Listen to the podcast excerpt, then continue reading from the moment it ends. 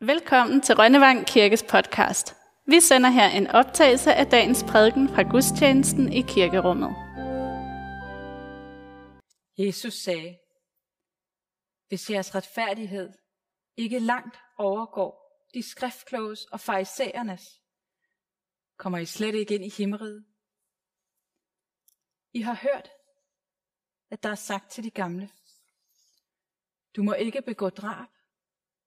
Den, der begår drab, skal kendes skyldig af domstolen.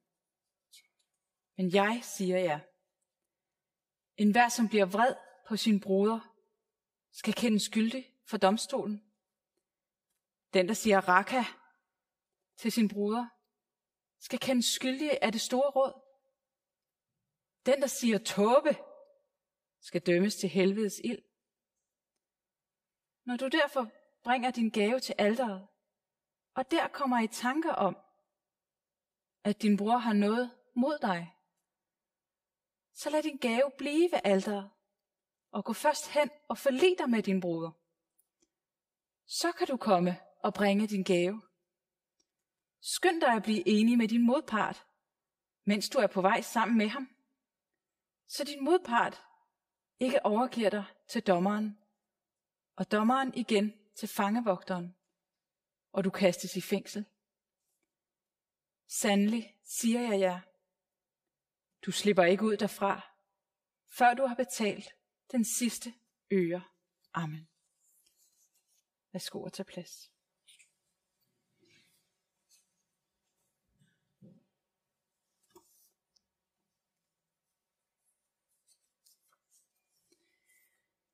I sms'erne står der, bitch, hobo, fake, rejs hjem til Chicago. Du tror, du er så klog. Det er Alice i Siri Husvets bog, Sommeren uden mand, der får den ene anonyme besked efter den anden. En dag dukker hun ikke op i skolen. Og de seks andre piger på det lille skrivekursus bliver lidt underligt døve og stumme, da Mia, deres lærer, spørger, hvor hun bliver af. Og om det passer, at hun har været på sygehuset. Så hun tager hjem til Alice for at få en forklaring. Pigen ligger forstenet i sin seng. Hun har foldet sine hænder på brystet som et lig, der er gjort klar til begravelse. Hun har ganske rigtigt været på sygehuset med voldsomme mavesmerter, fortæller moren. Men lægerne har ikke kunne finde ud af, hvad det var. Og nu er hun kommet hjem igen. Hendes ansigt ligner en maske. Og da Mia taler til hende, bevæger hun ikke så meget som en muskel. En 13-årig, der har bestemt sig for ikke at sige noget, kræver stor tålmodighed. Men Mia bliver ved. Til pigen endelig fortæller sin lidelseshistorie. Og den begynder med sms'erne. Bitch, fake, rejs hjem. Og der er pinlige billeder blevet lagt op på Facebook. Og de andre piger har skiftevis lukket hende ind i varmen og ud i kulden igen, uden at hun kunne få at vide, hvorfor. Og så ender det med en sms fra skolens dejligste fyr, der vil mødes med hende. Men som aldrig dukker op. Og bag hækken står der seks andre piger, og ved at dø af grin, fordi hun hoppede på den. Det er derfor, at Jesus på det strengeste fordømmer den, der siger skældsord til sin bror eller søster. Fordi ord kan slå ihjel bitch, fake, hobo, står der i sms'erne. Og det er bare ord. Det er ikke slag, det er ikke skud, det er ikke vold. Men det er ord, der sender Alice på sygehuset og lægger hende i seng med et ansigt, der ligner en maske. De slår jo ikke kroppen ihjel, men de slår hendes livsglæde ihjel. Hendes tillid til andre mennesker og til sig selv. Og når tilliden og livsglæden er blevet slået ihjel, så sætter det spor på kroppen. Ryggen bliver rund, skridtene tunge, blikket bliver fjernt. Så ligger pigen som et lig, der er gjort klar til begravelse, som Siri beskriver. Det er en ganske almindelig erfaring, som vi faktisk alle sammen kender. Der skal ikke mere end et giftigt ord til for at slukke et andet menneskes livsglæde. Eller vores egen. Og derfor er ikke alene vold og slag og skud en trussel mod et menneske. Det er allerede den vrede og det had og den misundelse, der kommer til ord i nedladende bemærkninger, rasende tilråb og de her frygtelige, hæslige sms'er. Den truer det andet menneske og hendes mod til at leve. I har hørt, at der er sagt, du må ikke begå drab. Og det har vi hørt, for det er det femte bud. Men jeg siger jer, fortsætter han, med tryk på jeg, så vi ikke skal være i tvivl om, at den, der taler nu, har en helt anden autoritet, end den Moses havde, da han kom med de ti bud. Med sin tale skærper Jesus budet og giver det helt andre dimensioner. Han stiller ikke kun krav til vores handlinger. Han stiller krav til vores sind og vores hjerter.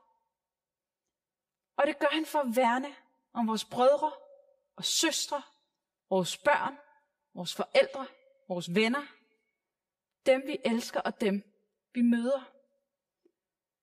De skal værnes mod vores vrede og misundelse og de dræbende ord, den munder ud i. Og sæt os til at forsone os med hinanden. Bliv gode venner igen. For at værne om vores fælles liv og give mildheden frit løb imellem os. Det er det, Jesus prøver med de her krav. Men der er en sidegevinst ved dem. Hvis man ellers kan kalde det en gevinst. For der sker jo det, at vi får punkteret vores selvtilfredshed, mens vi lytter. Der står, du må ikke begå drab. Og det kan de fleste af os jo godt leve op til. Vi har ikke slået nogen ihjel, så vidt jeg ved. Hvis det bare er det, han kræver, så er der jo ikke noget i vejen. Nok med nogle andre, men ikke med os. Så har vi vores på det tørre i forhold til Gud. Men hvis hans søn har ret i, at allerede vreden, de her skældsord eller giftige bemærkninger, den manglende vilje til forsoning, er forkert i hans øjne, så ser det jo noget anderledes ud. For så er der pludselig ikke en eneste af os, der er perfekt. Ikke hvis det er standarden. Og dermed ikke en eneste af os, der er hævet over de andre. For ord, der slukker livsmodet, det har vi alle sammen råbt, eller visket, eller vislet af andre. Måske har vi tænkt dem, Måske har vi skrevet dem i en sms. Sådan set er det en helt uhørt mildhed, han kræver af os og vores hjerter. Der nogle gange rummer så meget mere end kun milde ord. Og selvfølgelig kan vi jo vende ham ryggen, trække lidt på skuldrene, blæse på det, han siger, fordi det er lidt for vildt. Men han står jo stadig der, sommer efter sommer i Trinitatis og insisterer, men jeg siger jer, som om han har krav på, at vi hører efter og handler og lever efter det, han siger. Fordi han ikke bare taler på sine egne vegne, men på Guds vegne. Når han kræver, at vi skal vise hinanden hjertets uhørte mildhed, så taler han jo på vegne af Gud. Det er Gud, der har givet os vores hjerter. Han har givet os hinanden. Hvis det ikke var for hans milde skabermagt, så bankede der ikke et hjerte i mit bryst heller ikke i min brors, eller mit barns, eller min elskedes, så lå der ikke noget af et andet menneskes liv i mine hænder, hver gang jeg åbnede munden. Og det er den gode grund til, at Jesus skal stille de uhørte krav, han stiller. At han taler på vegne af den gode Gud, der har givet os vores liv, og som vil, at mildheden jo skal have frit løb imellem os. Det vil han så meget, at han gjorde sin søn til vores bror, for at give os lige netop den mildhed, som vi mangler. For den uhørte mildhed, Jesus kræver, den findes jo kun hos et eneste menneske, og det er ham selv.